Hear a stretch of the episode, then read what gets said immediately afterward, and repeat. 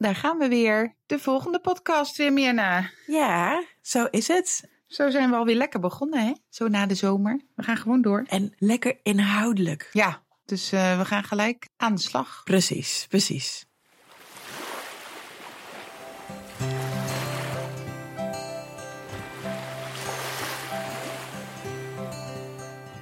Welkom bij het Verloskundig Baken, de podcast die een podium geeft aan innovatie en vernieuwing in de geboortezorg. Wij zijn Kirsten Schattier. En ik ben Mirna Knol. En in deze aflevering spreken wij met Jan-Willem de Leeuw en hij is gynaecoloog. En hij heeft zich gespecialiseerd in de bekkenbodem en daar hoort natuurlijk ook het hechten en wat hij ook doet, het secundair sluiten van rupturen en episiotomieën bij. Ja. Dus super interessant, dit zo. Ja. Toch? En heel belangrijk. Ja. We hebben eigenlijk al eerder een podcast gemaakt over de bekkenbodem. Ja. Mede omdat we dat dus een belangrijk onderwerp vinden. En misschien al wel een beetje te vaak onderbelicht is geweest. Ja. Ja, we hebben al een podcast gemaakt uh, over de bekkenbodem. Dat was de zesde aflevering. Dat was Ja. gelijk al in ons begin. Ja, met Alec Marenberg. Ja. En recent natuurlijk de podcast met uh, uh, bekkenfysio's. Ja. Het portret van. Ja, nummer 55. Nou, daarin ook werd steeds gezegd van nou, wat een aanslag, een ruptuur of een epi kan zijn op de bekkenbodem. Precies. Dus uh, nou ja, wij zijn heel benieuwd wat Jan Willem ons daarover te zeggen heeft. Ja. toch? Ja, wat zijn de nieuwste inzichten? Hoe kunnen we nog beter zorg dragen voor onze patiënten en cliënten? En uh, nou ja, hoe kunnen we zorgen dat alles zo goed mogelijk herstelt? En nou is dit een hele inhoudelijke aflevering. En Ja. er komen nogal wat inhoudelijke woorden langs. Daarom dachten wij, we gaan er even een paar noemen. Voor de mensen die geen uh, geboortezorgverlener zijn, dachten we, laten we even benoemen wat het een en het ander is. Sommige dingen zijn misschien al wel uit de zinnen uh, op te maken, maar sommige dingen ook weer wat minder. He, dus een ruptuur betekent eigenlijk dat je ingescheurd bent. Een episiotomie is een knip, dan ben je ingeknipt. Vicriel, uh, monocriel, Ja. en vicriel rapide, dat zijn allemaal verschillende varianten van hechtmateriaal. Een subtotaalruptuur of een totaalruptuur vertelt het over hoe ver je ingescheurd bent. En eigenlijk doen we dat tegenwoordig met graden. Dus dan heb je een ruptuurgraad, nou ja, nummertje zoveel. Even denken hoor. Ja, Lido, denk ik, verdoving. Ja, lidocaïne. Ja. Lido, dat is verdoving. En daar zijn er daarnaast nog allerlei anatomische dingen die natuurlijk ter sprake zullen komen. Ja. Verschillende spieren. Ja, dat vind ik een beetje ingewikkeld om in woorden uit te leggen. Uh, Plaatje in de show notes. ja, we gaan kijken of we een rechtenvrij plaatje kunnen vinden en die in de show notes uh, kunnen plaatsen. Ja. Maar als je denkt van, ik heb hem geluisterd en ik weet niet zo goed wat ik daarmee moet, of ik heb een vraag daarover, dan mag je natuurlijk ook gewoon ons contacten, hè? want dat vinden Ja. we heel leuk. Ja. Uh, dan kunnen we Jan Willem eventueel vragen nog, of we kunnen zelf wel antwoord geven. Maar Ja. Ja, Gewoon via de website of even een mailtje naar info.verloskundigebaken.nl. Ja. Kan allemaal. of uh, als je ons nummer hebt, dan app je gewoon lekker. Ja, dat mag ook. Dat is ook prima natuurlijk. Oké, okay. Maar dus dat even inhoudelijk gezien. goede toevoeging. En toen, van de week, was er namelijk weer een berichtje. Wij krijgen een berichtje als iemand een donatie of een petje af afgesloten heeft. En deze persoon heeft allebei gedaan. Ja, heel fijn. Super. Echt wel. Nou ja, goed. En zij schreef er wat bij, maar wij denken dat het niet helemaal af is, omdat er misschien te veel tekens waren. Ja, maar dat is wel heel leuk. Zal ik voorlezen? Ja, doe maar. Een feestelijke dag. Vandaag de allereerste les gevolgd van de opleiding Vroedkunde Wes in België. En minstens zo leuk dat ik me op weg naar huis realiseerde dat ik helemaal bij ben met het luisteren van jullie podcast. Wat mag de geboortezorg in haar? Puntje, puntje. En toen stopte het. Ja. Eigenlijk ben ik gewoon heel benieuwd hoe het afloopt. Dus laat het even weten als je dit hoort. En ik hou ervan. Een completionist. Ja. En zo noemen we dat toch? Iemand die alles luistert. Ja. En uh, super bedankt voor je donatie dan. Enorm bedankt. En abonnement. Ja, dat maakt wel dat we Joost nou ja, kunnen betalen voor wat hij uh, allemaal voor ons doet in zijn eigen tijd. Daarom. Dus dat is echt heel fijn. Dus uh, mocht je denken, nou, ik wil ook wel op die manier een leuk berichtje sturen aan uh, de meiden van Verloskundige Baken. Of op het moment dat je denkt van geen berichtje, maar wel een donatie. Dan is dat natuurlijk allemaal helemaal oké okay en fijn. Ja, super fijn.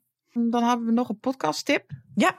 En dat is eigenlijk uh, een, een, podcast die gemaakt is in opdracht van een kinderarts, Ineke mm -hmm. de Kruijf van het Sint-Antonius ziekenhuis. En het gaat over huilbaby's. Ontroostbaar heet het. Ik denk dat dat ook uh, voor zorgverleners goed is, maar uh, ja. zeker ook om door te geven aan ouders. Ja, dat denk ik ook. Bij mij kwam die al langs diverse kanalen binnen.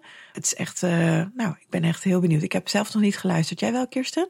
Nee, maar ik heb wel die van hun, die zwarte muisjes toen. Dat Ja. zijn dezelfde mensen. Oh, Oké, En die vond ik wel heel goed ook. zeker. Ja. Hey, geen eh, Peters datapraatje dit keer, Nee. want we hebben het natuurlijk al gehad over rupturen. Ja, In aflevering nummer 36 en nummer 37 is er een eh, datapraatje van Peter te beluisteren. Mocht je denken, nou, ik wil eigenlijk wel wat er nog even over horen, cijfermatig gezien, dan ehm, kunnen we daar naartoe verwijzen. We zijn helemaal lekker aan het verwijzen naar andere voorgaande afleveringen. ja, maar dat krijg je, want dit is nummer eh, 59, Mirna. Hopper de flop. Ja, dus we gaan gauw aan de slag. Ja. Op naar Jan Willem. Precies.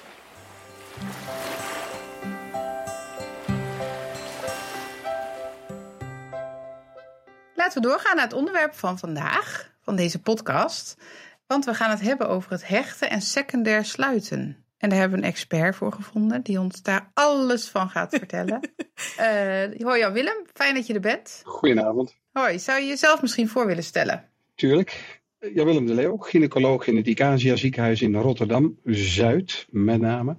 Gynaecoloog sinds 1998.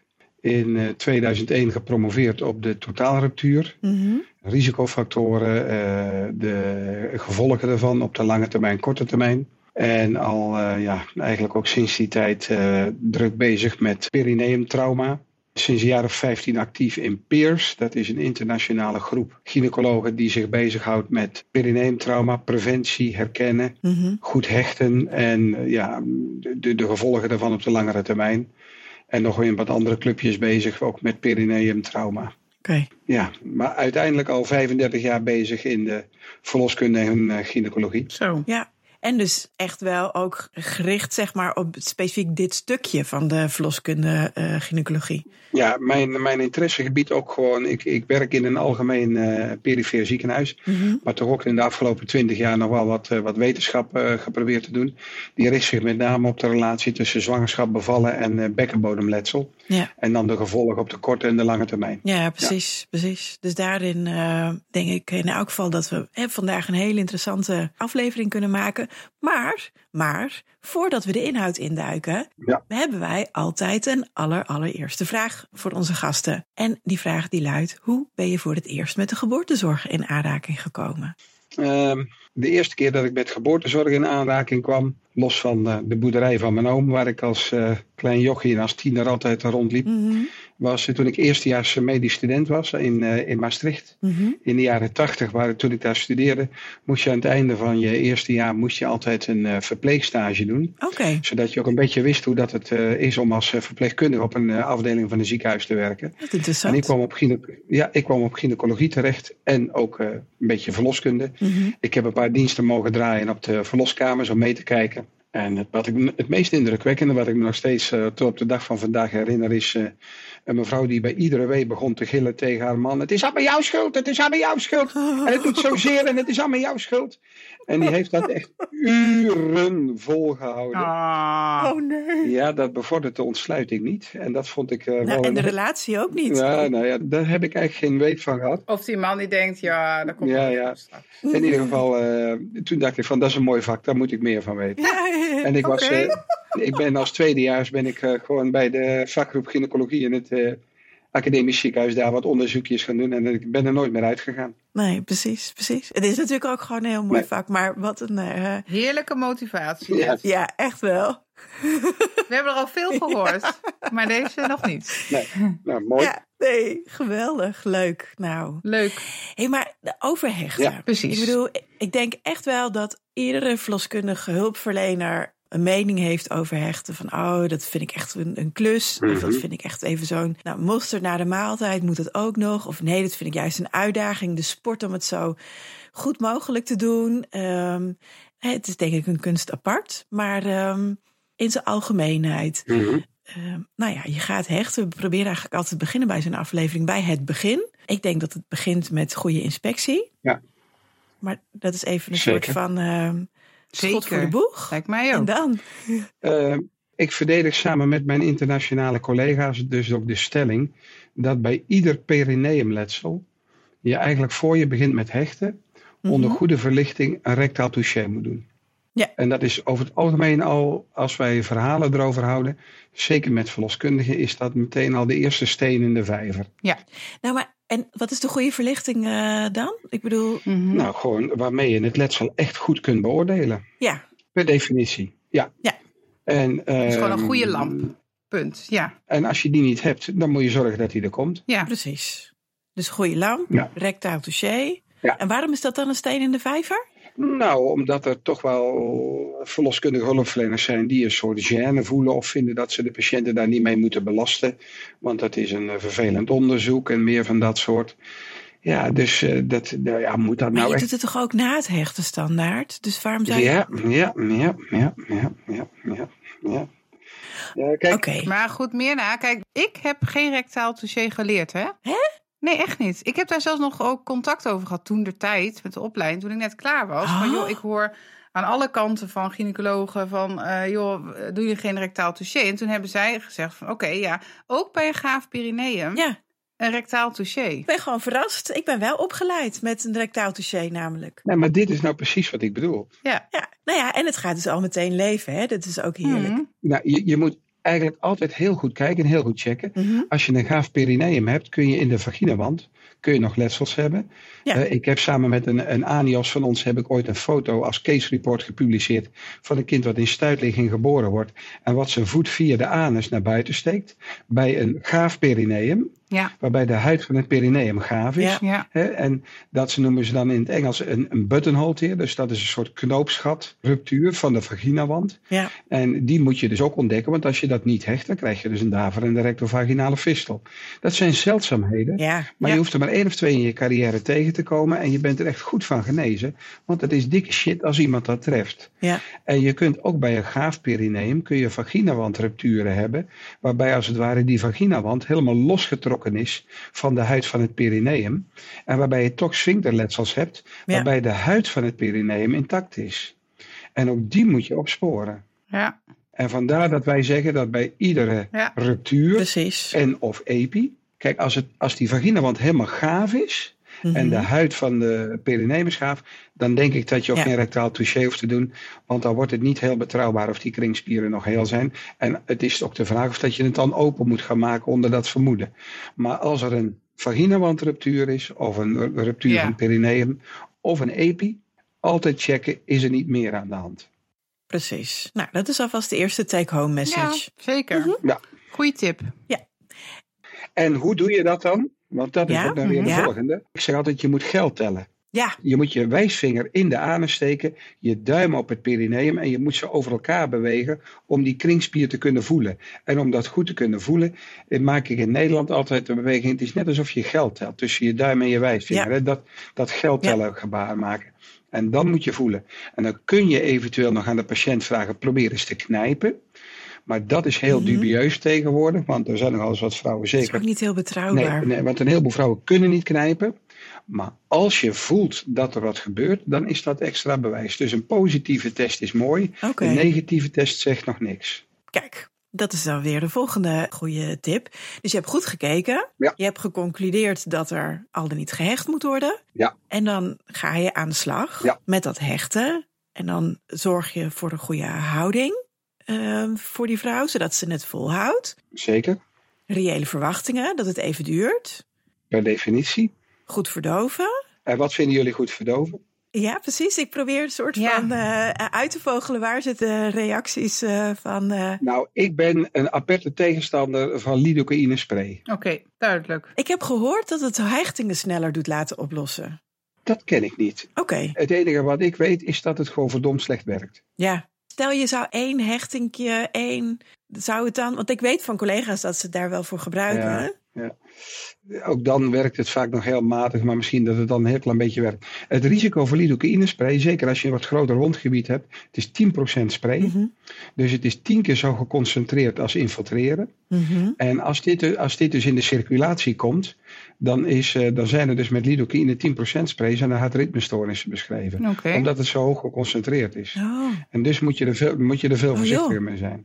En zeker als je wat grotere hoeveelheden gebruikt. Oké, maar als je zo'n klein, maar even hè, even pers, want ik weet zeker dat er heel veel collega's zijn met zo'n eerste graad. Of weet je, dat je denkt van, oh ja, Ja. ik krijg er Mhm. één of twee hechtingen in en dan hebben we de boel wel weer bij elkaar. Mhm. Ja, Eh, dat we dan even twee of drie keer sprayen. Ik denk dat het voor de patiënt beter verdoofd is als je dus zorgt dat je in je tas niet alleen van die hele grote dikke naalden hebt, maar ook gewoon eens, en dan moet je maar eens in het ziekenhuis vragen als je daar komt, welke kleine naaldjes gebruiken jullie voor intracutane injecties? Dat zijn van die kleine, kleine oranje of blauwe naaldjes, die hele Ja. korte kleine naaldjes. Ja, En die gebruikt gewoon met een klein spuitje, met bijvoorbeeld een paar cc Lido. En daarmee voorzichtig even in die wond infiltreren aan beide kanten. Die patiënt die voelt, als je infiltreert in de wond, dus niet via het slijmvlies of niet via de huid, ja, maar vanuit het wondbed infiltreert, dan voelen ze er minder van. En dan is de infiltratie en de pijnstilling veel beter. oké. ja. En inderdaad, infiltreren vanuit de Ja. wondoppervlak. Ja, ik weet dat eigenlijk heb ik niet. geleerd. Ja, maar ik weet eigenlijk niet waarom ze dan. Is het gewoon puur omdat je dan dus niet eh, door de huid heen gaat en dus die zenuwen vermijdt? Dat ze het minder voelen?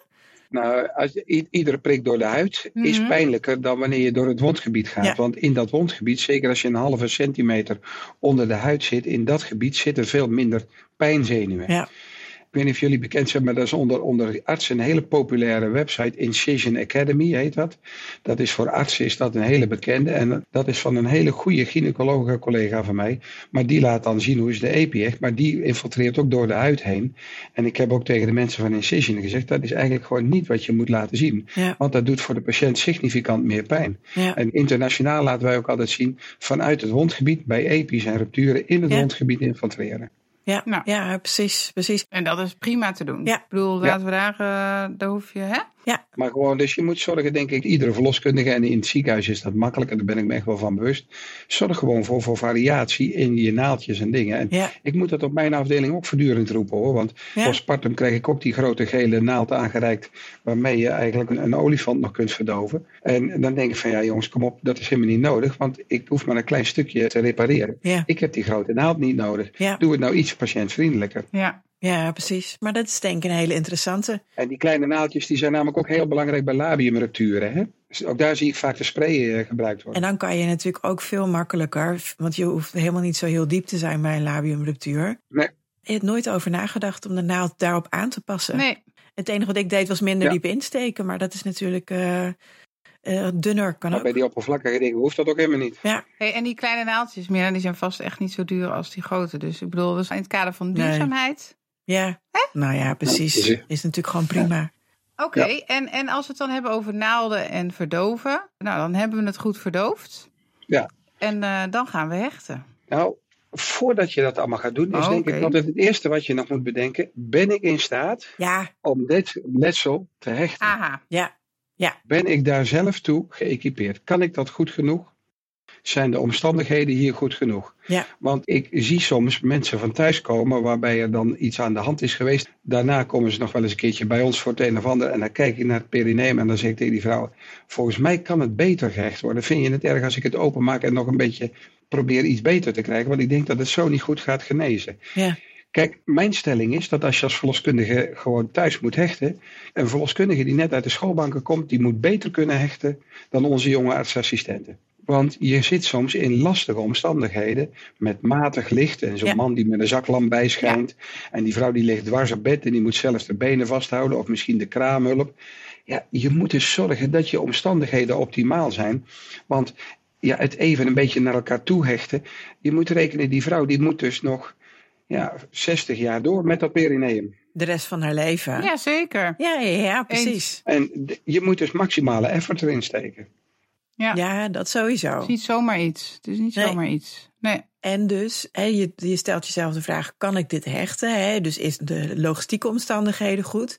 Is de ruptuur niet te gecompliceerd? Ja. Ehm, of is hier sprake van een, een totaalruptuur? Of is hier sprake van, eigenlijk moeten we dan hebben over graden natuurlijk. Juist. Ehm, Graag. eh, graad 3a of 3b. Of, Ja. nou ja. En dan hoort natuurlijk eigenlijk een beetje bij je inspectie. Qua herkennen, Mhm. zijn er goede, goede tips om die herkenning misschien nog wat te verbeteren? Nou, als je denkt dat de kringspier geraakt is, hè, en dan is, kijk je meestal eerst op de externe kringspier. Mhm. En die vezels die lopen rond met de kringspier mee.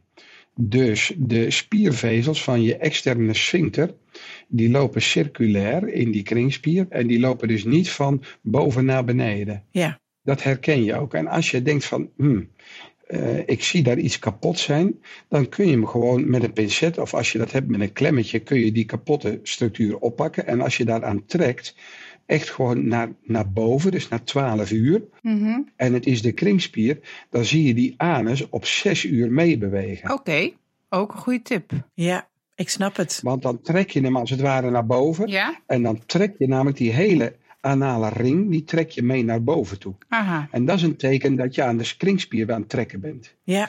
Je hebt namelijk ook je transverse perinei. Mhm. En dat is die oppervlakkige spier die erboven ligt. En die loopt eigenlijk gewoon horizontaal weg naar de zijkant. En als je daaraan trekt, dan zie je het weefsel zeg maar van links of van rechts, van lateraal naar het midden toe bewegen. Dus in horizontale richting. En dan weet je, dit is die andere spier. Ja. Dan moet je een beetje de kennis van de anatomie weer even voor de geest halen. Ja. Zijn we nu aan het doen? Ja. En meer na? Zag je Nou het ja. gebeuren? Ja, ik zag het gebeuren. Ik zag even een, een, een, een pijnzende blik Ja. eh, Ja, ja, ja. van Kirsten. En ik denk, ja, want ik vraag het wel eens ook als ik er les over geef. Welke structuren knip je door? En deze spier, die wordt heel vaak vergeten. En die wordt ook Ja. regelmatig vergeten bij het hechten. En het gevolg is, als je die niet goed meepakt bij het hechten, is dat die vagina wat open blijft staan. En, dan zeg ik tegen mijn patiënten, voordat je de eerste bevalling had, was je vagina, je vulva, een soort scherpe V die dicht was. Ja, En na je bevalling, en zeker na, in meerdere bevallingen, zie je dat het een soort U-vorm krijgt. ja, Dat die als het ware open blijft staan. En een van de belangrijkste redenen is dat die transverse perinei niet goed opgebouwd wordt en niet goed in de middellijn bij elkaar gebracht wordt. En dat heeft ook gevolgen voor latere ontwikkeling van bijvoorbeeld verzakkingen en dat soort dingen. Ja, ja, ja. Oh. Hey, en Jan Willem, kunnen wij eh, iets van zo'n plaatje ook in de show notes? eh, heb je iets een mooi... Want dan, dan kan iedereen het gelijk... Even opzoeken. Ik zal even proberen in mijn plaatjesarchief een, eh, een mooi eh, plaatje hiervan te vinden. En die zal ik jullie mailen. En dan kunnen we die inderdaad bij de show notes meesturen. Ja, Dat is leuk. Ja. En dus graden, want je zei net al, belangrijk om in graden te praten hierover. ja. Nou, de, de reden daarvoor is, is dat als je dus gewoon door de, tussen die diverse praktijken en ook eh, ziekenhuizen, eh, wat bij de ene subtotaal is, is gewoon, eh, nou, alles is door behalve het slijmvlies. En bij de andere heet het Ja. allemaal al totaalruptuur. Wij zijn het enige land wat die terminologie nog gewoon gebruikt. En die, die gradering uit Engeland van 3A, minder dan de helft van je externe sphincter is kapot, 3B, meer dan de helft of helemaal de externe sphincter. 3C, interne sphincter is kapot. En 4, alles is door. Mhm. Dat is wel van belang, omdat inmiddels ook wel duidelijk is dat hoe groter de ruptuur is, hoe groter de kans ook op incontinentie voor ontlasting is. Ja, Mhm. ja, Dus is die goede gradering is echt wel essentieel. Kijk, en het allerbelangrijkste vind ik, als je als eerste lijnsverloskundige ernaar kijkt, is. Is die sphincter überhaupt geraakt, ja of nee? Ja. Denk je dat die geraakt is, dan betekent het, dit moet gewoon door anderen gehecht worden. ja, Ja, ook voor, voor als artsassistenten dit horen en dat soort dingen. Kijk, twijfel je, laat altijd iemand meekijken, want het Ja. is gewoon het beste wel van die patiënt. Essentieel. En je kunt beter twee keer iemand mee laten kijken en dat meevalt, ja, dan dat je het een keer mist. ja. Nou ja, dat denk ik ook. En hoe maak je dan de beslissing in zo'n geval van, nou, deze mevrouw kan op de VK toch gehecht worden? Hè? Stel, je ziet bijvoorbeeld een 3A. Net geraakt. Een vrouw die ontzettend Ja. goed kan ontspannen. Ja. Tenminste, ik denk dat dat factoren zijn die je meeneemt Zeker. in je beslissing. En wanneer beslis je om naar de OK te gaan? Nou, een soort vuistregel is een 3A zou je nog wel op de verloskamers kunnen hechten. Zeker als die patiënt rustig is. Eh, en wat, wat de weelde is in het ziekenhuis is dat ze regelmatig ook een epiduraal hebben. Mhm. Dan kan dat ideaal. Dan geef je nog een goede top-up en dan kun je prima hechten. Ja. Maar in principe is een 3A kan dus nog wel. Maar bij een 3B of meer zou ik altijd aanraden om naar de OK te gaan. Ja. Ook weer gewoon omdat je dan echt goed kunt zien. Want eh, een van de meest gemaakte fouten bij de rupturen is dat alleen dat gedeelte van de sphincter wat direct achter de huid ligt, dat dat gerepareerd wordt. Oh, En dat ook soms niet herkend wordt Mhm. dat die externe sphincter 1, 2 centimeter hogerop ook nog kapot is. ja, Want het anale kanaal, je, het, je anale sphincter, externe sphincter, is aan de voorzijde 2,5, 3 centimeter lang aan het einde van de bevalling. En ik heb dus te vaak gezien dat postpartum dat een sphincter net subcutaan goed gehecht was. Ja. Maar dat 1, 2 centimeter hogerop er nog een defect zat anterieur. Mhm. Omdat de ruptuur die daar nog zat, dat was niet hoog genoeg opgezocht. Oh. En dat was dus ook niet gerepareerd. Ja, En dat is doodzonde. Ja. Want dan heb je een goede kans gehad Ja. en dan heb je hem niet gegrepen. Ja, ja. Hey, en persoonlijk denk ik ook nog wel eens, gut, de natuur is soms ook mild, hè? Voor langere tijd. Hechten we dan niet soms ook gewoon te veel, snap je? Dat ik, ik denk soms wel eens van, jeetje, hoe kan het toch dat we dit allemaal gaan hechten en dat we dat allemaal heel goed, en dat is ook goed. En we weten wat de lange termijn effecten zijn, maar als we gewoon gaan kijken naar de natuur en hoe... Laten we één ding duidelijk stellen. Tot, eh, laten we zeggen, 100, 150 jaar geleden was in Nederland eh, er niks gevaarlijker voor een vrouw in de fertiele fase als zwanger worden en bevallen. Dat was de belangrijkste reden om eh, op jonge leeftijd te overlijden. Dus moed- moeder natuur regelt het echt niet zo goed. Ja, precies. Ja. Maar als we de vraag een klein beetje aanpassen en daarin eh, niet naar de graad 3 of de grote tweede graad structuren kijken, maar bijvoorbeeld naar een heel klein oppervlakkig eerste graad structuurtje. En waarbij eigenlijk de huid mooi tegen elkaar valt, je geïnspecteerd hebt, je niet stiekem die eh buttonhole ruptuur gemist hebt of in die eh, hoek.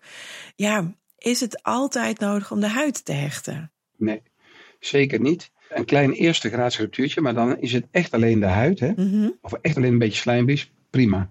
Maar ik zie ook met regelmaat, en ik weet nog, ik ken letterlijk voorbeelden waarbij er gewoon bij tweede graads rupturen, als het, ja, het valt mooi tegen elkaar aan, dus ik doe daar niks aan. En daar ben ik niet kapot van, want eh, die spier, zeker die transversus, die trekt zich wel terug. Ja. Ja, precies. En dan zie je dus na zo'n tweede graads ruptuur vaak een heel kort perineum ontstaan. Aha. En dus dat moet je echt niet doen. Nee. Stel je hecht bij die tweede graad structuur de spier. Ja. Die valt mooi tegen, hè, dat valt mooi tegen elkaar. De huid valt daarna ook mooi tegen elkaar. Mhm. Er zit gewoon, nou, in principe denk je goed. Is het dan nog nodig om de huid te hechten? Nee. Er is in Engeland heel leuk onderzoek gedaan. Ik moet even goed nadenken. Het was de Ipswich eh, trial. Mhm. Maar het zou ook nog een andere kunnen zijn. Die laten zien dat als je een ruptuur of een epi hebt. En de huid blijft zeg maar 2, 3 millimeter van elkaar. Dan geneest dat ongeveer net zo goed als wanneer je de huid wel hecht. Oh joh. Oké, dus. Daar komen we misschien zo nog op terug. Huidhechtingen, dat is wel een bijzonder ding. Want daar moet je dus mee oppassen. Want die doet vaak het meeste pijn. Ja, dat klopt. Zeker. Nou, daar mag je wel op doorgaan, hoor. Ja, want hoe, hoe moeten we dan de huid hechten? Ja. Per definitie intracutaan. Oké. Nou ja, vergis je niet. Wij zien met grote regelmatig ook nog wel mensen uit andere klinieken dan die van onszelf of van, van thuis komen. Bij wie het transcutaan losgeknoopt gehecht is. Ja. En dat er dan ook met een draad als fikril gehecht is. Ah, Niet vicryl rapide bedoel je? door de huid heen. Doet ook rapide is niet fijn voor een patiënt. Want vikril is een rapide en gewone, vic- eh, gewone en de vikril rapide is een gevlochten draad. En die gevlochten draden hebben altijd snijdende eigenschappen. En dat is heel naar, want als vikril oplost, Ja. wordt de draad korter. En dan zie je dus dat die knoopjes in gaan snoeren in de, in de huid. En dat is dus, kent iedereen wel gewoon. Dan wordt zo'n knoopje echt in de huid getrokken en dan staat het heel strak. Want bijna iedere wond krijgt wat eudeem en gaat zwellen. Dus die hechtingen komen onder spanning te staan en dat doet verrotzeer. Oké. En daarom zijn dus gevlochten draden transcutaan, wat mij betreft uit den boze, om te hechten. En wat zou dan jou, wel jouw voorkeur hebben? Monocryl? Ja, eh, en dat moet je goed leren knopen, want dat is een lastig draadje om te knopen. En daarom is mijn stelling dus eigenlijk ook dat je eigenlijk altijd moet proberen om intracutaan te hechten. En het liefst de knoop ook in de vagina weg te leggen. Ja. En ook niet op de, niet op de commissura, op de overgang huid Ja? naar de vagina, maar echt proberen in de vagina af te knopen. Ja. Want daar doet het het minste pijn. Oké. Dus eigenlijk liever dan nog een steekje door als je de huid hecht om hem daar te leggen. Ja. Ja. Ja, en dan heb je de huid klaar en dan haal je de draad onder Ja. de Ja. hymenaalring door. Ja. in die wond kun je hem onder de, gewoon die draad kun je onder de hymenaalring doorsteken. Dan steek je nog een dwarssteekje in het slijmvlies. Daar knoop je hem op af. Want daar doet hij het minste pijn. Hey, pro tip. Maar stel er is een situatie waarin je dan dus alsnog wel Uh, nou, misschien bij. Nee, ja, labium kan je ook Een vaak epi? wel. Een epi? Nee, een epi kan je ook gewoon. Tran, ik, ik, ik hou echt altijd intracutaan. Kijk, labiumrupturen hecht Ja. ik eigenlijk ook altijd doorlopend. Ja. daarom. Dus ik, ik weet even niet waar je dan de situatie moet vinden waarin je toch een keer transcutaan moet hechten. Zou moeten hechten. Ja, het wordt gedaan, maar... Maar luister er zijn mensen die gewoon intracutaan niet kunnen hechten. Oh, Ja, maar dan, dan heb je hartstikke leuke hechtcursussen die je kan Maar volgen. Wat vinden jullie nou van hechtcursussen? nou, ik vind het lastig dat het vaak gezien... Nee, er zijn echt voor hechtcursussen voor verloskundigen. Ja, maar dat transcutaan eigenlijk de gedacht wordt... Oh, dat, dat hecht ik dan snel even... Oh, kijk, je moet met intracutaan, laten we eerlijk zijn... Even de rust. Als je, een, als je echt even een. Dan moet je even van onder naar boven, rustig, van links naar rechts. Weet je, dat gaat steeds sneller als je het vaker hebt gedaan. Kleine steekjes. Maar ja, weet je, je moet, dat wel, je moet er wel gewoon je handigheid in hebben. Dus je moet inderdaad gewoon of een cursus doen, of gewoon. Ja, En de kunst uiteindelijk bij de intracutaan. Sorry, ik vind in- intracutaan echt, echt niet moeilijk. Je, nee, ik moet- vind het ook leuk vaak. Ik ook. Een soort van rijgen. Ja. Maar ehm, ja, toch? maar je moet zeker. gewoon kleine steekjes. En Ja. je moet zorgen dat je je naald goed in de naaldvoerder Ja. hebt gezet. Zeker. En je moet zorgen dat je je naaldvoerder goed vasthoudt. En je moet zorgen dat je je pincet netjes vasthoudt. Ja, Maar wat vinden jullie er nou van, als ik nou een vraag aan jullie mag stellen, Ja, ja zeker. natuurlijk. dat je hechtcursussen hebt voor verloskundigen? Nou, je moet het tijdens je opleiding leren. Ja, Maar ik Ja. vind wel dat uiteindelijk. Ik bedoel, ik ben twintig jaar geleden verloskundige geworden. Je gaat mij niet vertellen dat er in de afgelopen twintig jaar niet nieuwe kennis is Opgedaan. over Ja. hechten en hechttechnieken en materialen, et cetera. ben ik met je eens. Ben ik met je eens. Dus daarvoor vind ik het prima. Dus dat vind ik een goede, dat vind ik een goede redenering. Waar ik me zorgen over maak, en ik heb daar samen met Anna Simonsberg een artikeltje over geschreven. Wij zijn het met regelmaat oneens, maar hier waren we het hardgrondig over eens. De training tijdens de opleiding moet gewoon beter, uitgebreider, dieper, grondiger. Hechten, herkennen, al die dingen gewoon. Hoe houd ik mijn instrumenten vast?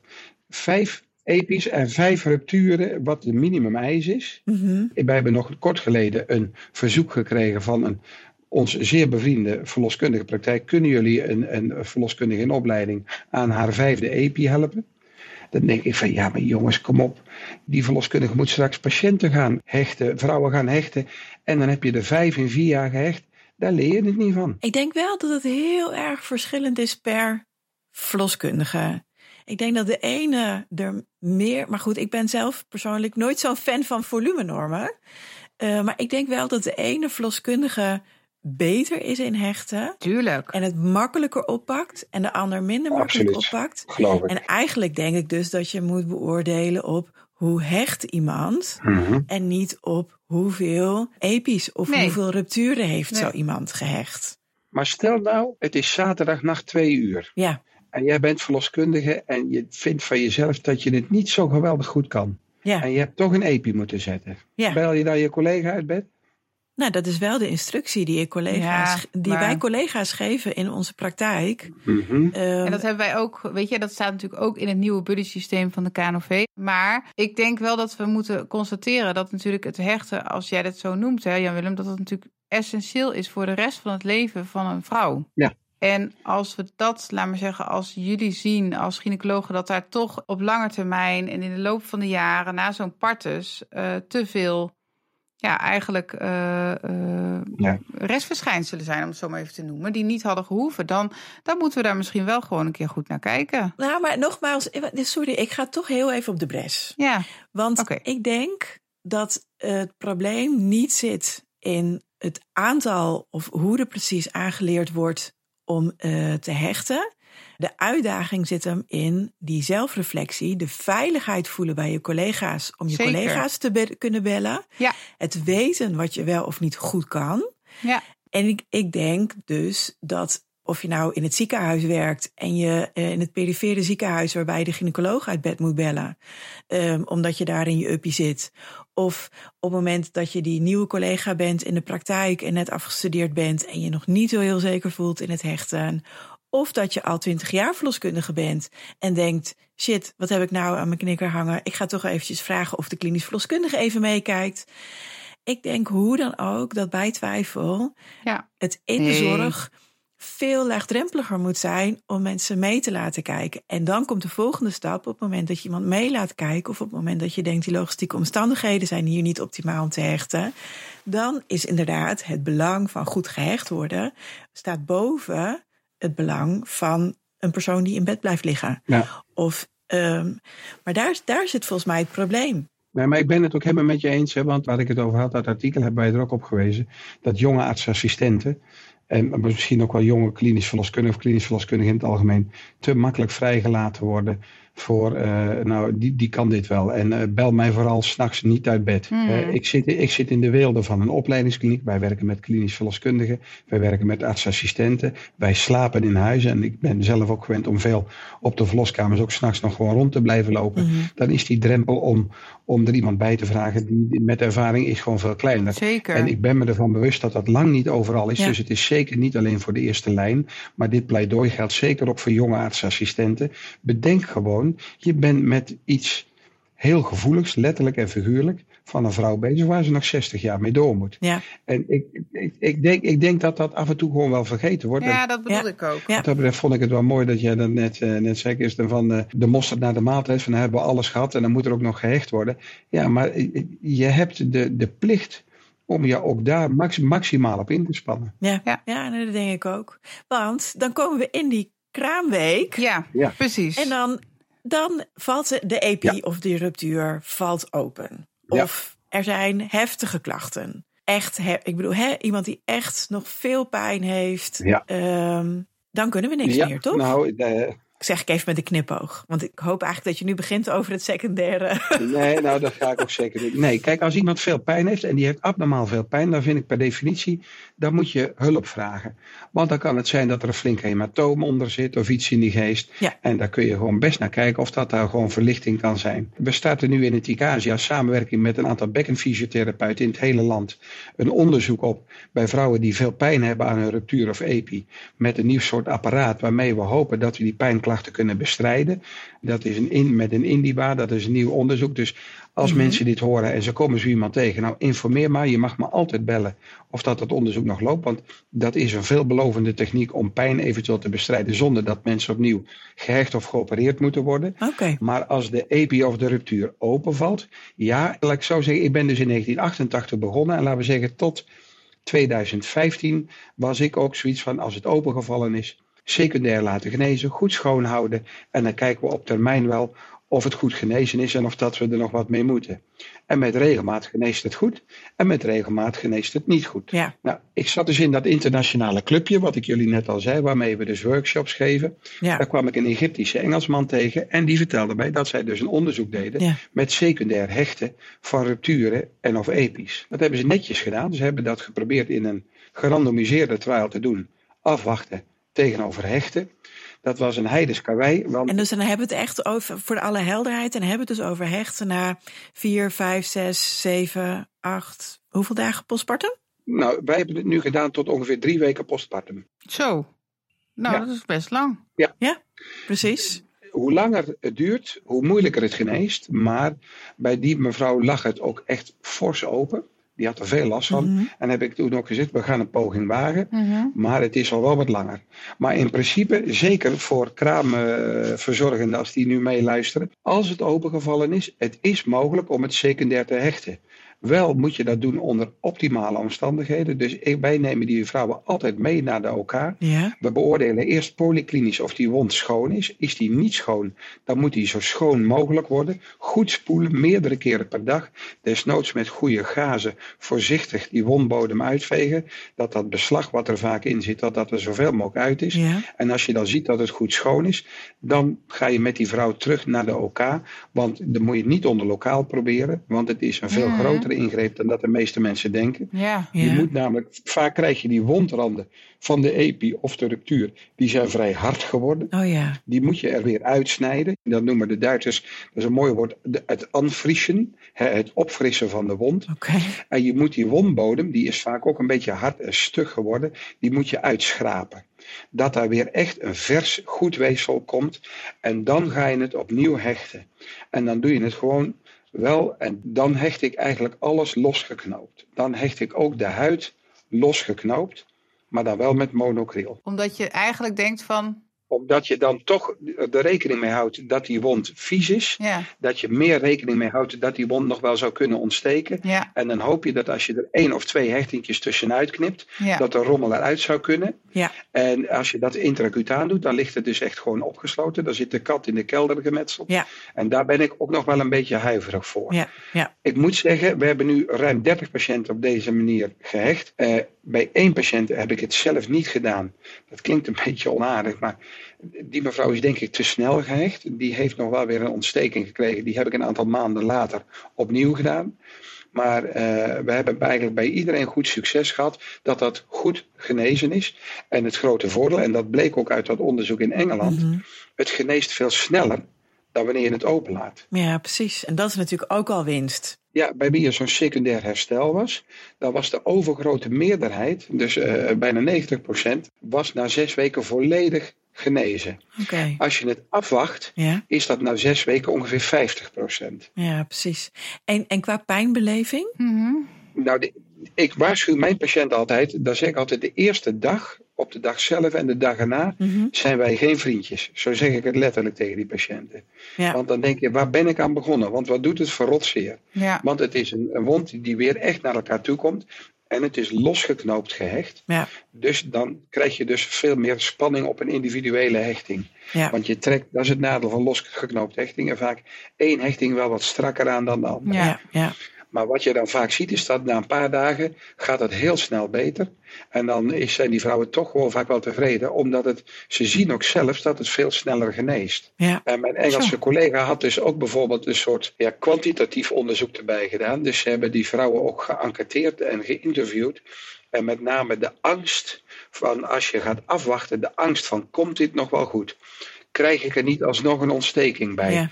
Of eh, eh, Mm. ja, de psychische Ja. belasting van het zelfbeeld. Of, ja, of moet ik over een half jaar of over Ja. een jaar alsnog onder het mes? Of blijf ik over met dadelijk een groot gapend gat of iets in die geest. Dat zijn allemaal van die angsten waar, Ja. waar die Ja, vrouwen ja. dan gewoon toch stilletjes mee te kampen hebben. En, en logisch ook. Ja, heel logisch. Ja, Eh, en ik moet zeggen dat ik daar ook jarenlang eigenlijk altijd gezegd heb: ja, joh, maar het is echt beter om te wachten. En nu ben ik erachter gekomen, dat is helemaal niet zo. Dat is een probleem wat in ons vak heel vaak gebeurt. Nee. Waarom doen wij dingen op een bepaalde manier? Omdat we het zo geleerd hebben. Ja, En we hebben het geleerd van mensen die het goed konden, dus die Mhm. zouden het wel weten. ja, Maar die hebben het ook weer geleerd van iemand anders. ja. ja. En zo gaan we decennia door. Ja, ja. Nou, vaak nog wel langer. ja. Gebeurt dit in ieder ziekenhuis? Is dit al Nee. echt een soort van algemeen? Nee, Nee. nee, nee, ik heb bijvoorbeeld een eh, tijdje geleden heb ik een patiënt uit de regio Utrecht verwezen gekregen van een collega van jullie. Die had dat via een eh, verloskundige in het UMC in Utrecht gehoord dat ik dat doe. Die geeft goede hechttrainingen, die verloskundige. Ehm, en die zei van ja, er zit in Rotterdam iemand die dit wel herstelt. Want die vrouw die had onnoemelijk veel pijn. Ik heb die vrouw ook wel gewaarschuwd. Ik zei ja, kijk, je moet wel rekenen. Je komt bij mij in Rotterdam en je woont in, in, de, in de regio Utrecht. Ja, Dat kan wel zijn. Als er een probleem is, moet je wel heen en weer gaan rijden. Dus weet wel waar je aan begint. Nou, we hebben dat Ja. gedaan. Uiteindelijk is dat hartstikke goed gegaan. En het deed best wel even zeer. Maar die vrouw die was uiteindelijk toch heel tevreden. Maar ik weet dat van de collega gynaecoloog in Utrecht, aan wie ze dat vertelde, dat die zei van ja, die man in Rotterdam is gek. Ja. Hè? Maar ja, dat, dat is het lot wat je treft. Je doet iets wat tegen de gebruiken ingaat. Je doet iets wat tegen de, ja, hoe noem je dat, tegen de heersende opinie ingaat. Ja. ja. Terwijl als je dus nu kijkt, er is al een hoop literatuur voor hoor. Er zijn echt uit Engeland en ook uit andere landen zijn er inmiddels een best een aantal artikelen verschenen van dat dit heel goed gaat. Ik heb mijn Engelse collega Sultan, die in Londen allerlei hechtcursussen geeft, die heeft zelfs totaalrupturen, of derde, vierde graads rupturen dan, secundair gehecht. In onze serie zit er ook iemand met een derde graads ruptuur die wij na een eh, dag of tien opnieuw gehecht hebben. Prima genezen. ja. Want hoe komt het eigenlijk dat zo'n epi of zo'n ruptuur Ja. openvalt? Dat vind ik moeilijk te zeggen, want moet het afkloppen? Eh, ik heb het nog nooit zelf gezien. Van mezelf. En misschien zijn ze er wel geweest, maar ik heb ze niet teruggezien. Ik heb soms het idee dat de knopen niet goed liggen. Ja, ja. Eh, maar het kan ook een ontsteking zijn. Hè? Of een hematoom wat eronder zit, wat, wat, wat de spanning zo groot maakt. Of een reactie op het materiaal misschien? Ja, daardoor. Ja, je ziet ook wel eens dat bij sommige vrouwen het veel sneller Ja. oplost. Ja. Dat die echt soms al na drie, vier dagen allemaal Ja. knoopjes... eh, dat je denkt, oh, oké, dat lichaam is wel heel snel. Maar toch, als je het als secundair hecht, Ja. dan blijven de hechtingen er vaak wel in zitten. Ja, ja, ja. Ja, precies, precies. Dus ja, waar, hoe komt dat dan? Ja. In wezen gaat me dat er ook helemaal niet om. Ik vind het veel belangrijker als, als, als mensen die dit horen weten. Je hoeft niet per se te wachten. Nee. En het kan wel. En in principe, in, ik doe geen dingen die, die zo bijzonder zijn dat andere gynaecologen het niet kunnen. Nee, Nee, precies. Als je op de verloskamers goed kunt hechten Ja. en je kunt rupturen goed hechten, dan kun je dit ook, zolang als je die wond maar goed schoonmaakt en ook vaginaal ook goed hecht en daar ook het littekenweefsel en dat stugge weefsel eruit haalt. Ja. En als je weer een mooie, soepele wond hebt, Ja. dan opnieuw netjes hechten, dan komt dat echt gewoon veel beter en sneller goed dan wanneer je wacht. Ja. Ja. Hey, en, en Jan Willem, kunnen wij eh, dat die onderzoeken die jij eh, nu noemt, Ja? ook in de show notes benoemen? En ik denk dat het goed is dat we, in ieder geval, stel dat. Nou, ik kan de referenties kan ik allemaal nog meegeven. Graag. Ja, en, en misschien ook wel collega's hè, die, die nu geïnteresseerd zijn aan het luisteren en zeggen van joh, Mhm. eh, wat jij doet, ja, de een zal misschien zeggen van joh, wat ben je aan het doen? Maar de ander zegt misschien, hé, hey, dat klinkt wel ontzettend Ja. interessant. Precies. Eh, hier wil ik meer over weten. Nou, in april 2022 heb ik samen met een artsassistent van ons een artikel erover geschreven in het Nederlands tijdschrift voor obstetrie en gynaecologie. Aha. Dus al mijn collega's die dit zouden horen, die kunnen dit terugzoeken. Daar is het in gepubliceerd. En toen hadden we er ongeveer eh, drie of 24, 25. Er zijn er inmiddels dus weer een aantal bijgekomen. Ja. En daar leggen we ook in uit hoe dat we het doen. Ja, goed. Ja, nou, ik denk eh, een hele goede referentie in dat opzicht om eh, meer achtergrondinformatie eh, terug te lezen, zeg maar. Mhm. Zeker. Zijn er dingen waarvan je zegt van, oh, dat is nog niet aan bod gekomen, maar dat is nog echt even de tip van de dag? Of, ehm, Nou, ik zou een pleidooi willen houden, in tegenstelling tot alles wat op cursussen geleerd wordt, omdat dat ook een onderdeel van ons vak is, wat nou echt gewoon keihard goed onderzocht is en goed bewezen is. Als je een ruptuur of een EPI hecht, doe het met één doorlopende hechting. Die je niet tussentijds afknoopt. Want dat hoor ik ook nog wel eens, hè, de zogenaamde crown suture, ter hoogte van de grote spierlaag van de bulbo. Mhm. Gewoon alles in één doorlopende hechtdraad. En dan heb je vaak een draad nodig van 90 centimeter. Alles met één doorlopende hechtdraad te hechten. Dat is een techniek die, eh, die is eigenlijk al eh, heel oud. Al in de jaren 50, 60 voor de eerste keer beschreven.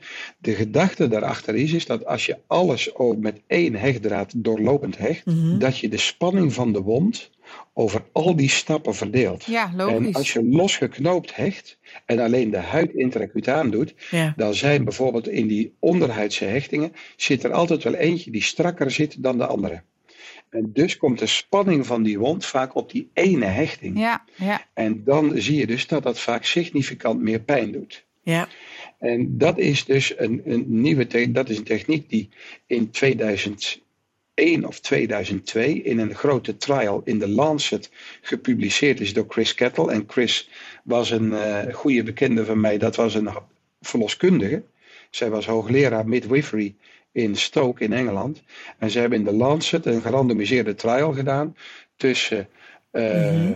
De alles doorlopende hechting en de andere technieken. En dan hadden ze ook nog de rapide en de gewone vicryl met elkaar vergeleken. Dat vind ik iets minder belangrijk, omdat het verschil tussen die twee dingen, dat was veel minder groot qua pijn als tussen de verschillende hechttechnieken. Ja, ja, En het precies. is een kwestie van wennen. Maar bijvoorbeeld ook de klinisch verloskundigen die bij ons werken en gewerkt hebben, die zeggen allemaal: als je het een paar keer geoefend hebt, het werkt hartstikke makkelijk.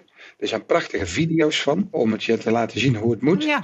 En, Oh, Kirsten eh, hoort weer iets. eh, ik zie Kirsten helemaal opveren, video. Ja, ja, ik denk Ja. van ja, ik moet helemaal naar Rotterdam voor een nieuwe hechtcursus. Maar ja, dat... eh, nou, eh, wij zijn nu bezig om binnen ons VSV dat te doen. We hebben er inmiddels één gehad. En dan ga ik, eh, ja, dat klinkt heel onaardig, naar het slachthuis. En dan haal ik varkensharten en daar oefenen wij de epi-hechten op. Dan kun je prachtig zien hoe dat het moet. Maar eh, voor de luisteraars www.perineum.net. Dat is van een Engelse collega's van mij. Dat zijn eh, twee gynaecologen, man en vrouw. Die geven in Londen hele goede hechtcursussen. Mhm. Ook voor verloskundigen. Ook voor Engelse verloskundigen doen ze dat.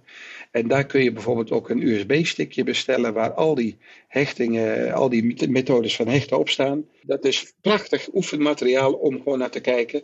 Kijk, en als er nou groepen VSV's zijn of iets in die geest die ooit een keer geïnteresseerd zijn. Oké, leuk. Ja, eh, het is zendingswerk, ik weet Ja. het, maar ze mogen me altijd bellen. Eh, want ik ben altijd bereid. En, en er zijn ook verloskundigen van ons die er heel enthousiast in zijn om dat te doen. Ook over preventie en alles kunnen we een totaalpakket aanbieden.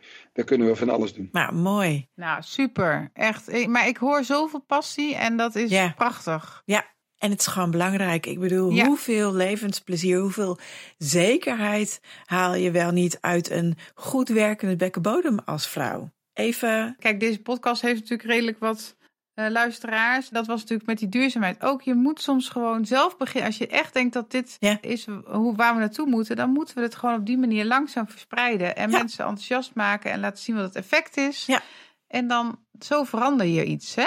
Zo is het. Nou, precies. Kijk, je- moet gewoon bedenken, we hebben een paar jaar terug hebben een, een, een symposium en dat helaas was dat net in de corona. Dus iedereen kon het alleen maar online volgen. Dat was over zwangerschap, bevallen en je bekkenbodem een leven lang beter. Er blijft voor verloskundige hulpverleners vaak een hoop verborgen, omdat een hoop problemen pas Ja, 10, 20, 30 jaar later aan het licht komen. exact. En dat moet je wel gewoon Exact. realiseren. Ik de, de, de, de keek toen bij dat symposium een aantal verloskundigen van onze eigen afdeling mee. En die zeiden, joh, je hebt van alles verteld wat ik me nooit gerealiseerd heb. Mhm. Kijk, en ik ben, een- ik ben Ja, een ja. rare gynaecoloog. Ik vind verloskunde geweldig. Maar ik ben ook bekkenbodemgynaecoloog. En ik zit op dat, ja, dat, grensgebied. Mhm. En dan zie je dus allebei. En dat is in Nederland, maakt de situatie in Nederland zo uniek. Bijvoorbeeld in Engeland zijn bekkenbodemgynaecologen, die doen geen verloskunde. Ja. Verloskundig geïnteresseerde gynaecologen doen geen bekkenbodem. Dus dat praat niet met elkaar. En hier is dat anders. En hier kunnen we dat dus echt beter doen. ja, Nou, dat klinkt als een oproep. Ook. exact. En ik denk dus inderdaad, hè, het stukje ehm, daarna en een stuk genezing. En wat gebeurt er nou werkelijk? Nakontrole is ook steeds minder gebruikelijk om eh, te doen. En die wordt steeds meer optioneel op het moment dat mensen nog klachten hebben. Heel vaak Maar ja, niet. komen ze dan ook inderdaad echt? Ja. Ja, ik denk wat dat Er is betreft. nog veel winst te halen, dus. Nou. Ja, op vele zeker. vlakken. Leuk Jan-Willem, dankjewel. Ja, Echt eh, heel erg bedankt. super interessant. En laten we beginnen, beginnen klein en dan we verspreiden zo eh, steeds meer info en nieuws. En Nou ja, ik, heb, ik heb laatst op onze regionale refereerruimte een verhaal verteld over het secundair rechten. En ik merk nu dus bij mijn collega's in de regio dat het wel begint te leven. En dat er meer en meer mensen zijn die zeggen van, oh ik kom, ja, eh, als ik een patiënt heb, dan lever ik die en dan kom ik meekijken. Of die, die, die beginnen er zelf mee. Ja, En je merkt nu gewoon, het wordt gewoon meer en meer bekend. Ja. En ik hoop dus dat, eh, dat anderen het ook op gaan pikken. Ja, ja. Ja. Nee, eens. nou, Mooi. hartstikke goed. Goed zo. Dank Oké, Dankjewel. voor deze hele informatieve podcast. Zo kunnen we hem wel noemen. Graag gedaan.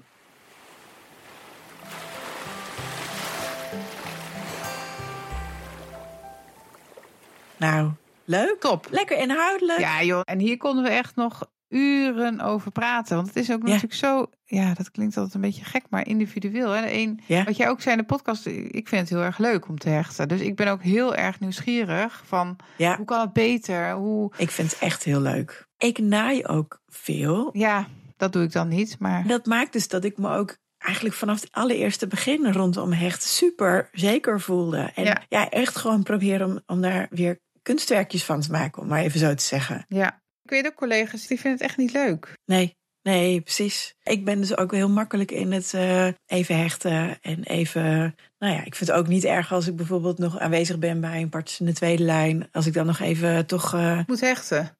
Ja, als dat helpt qua capaciteits... eh, Nee, ik zeg dat ook wel eens. Zal ik de epi? Ja, Dan denk ik, dan doe ik het ook weer eens. nou, dat ook. Ja. ja, precies.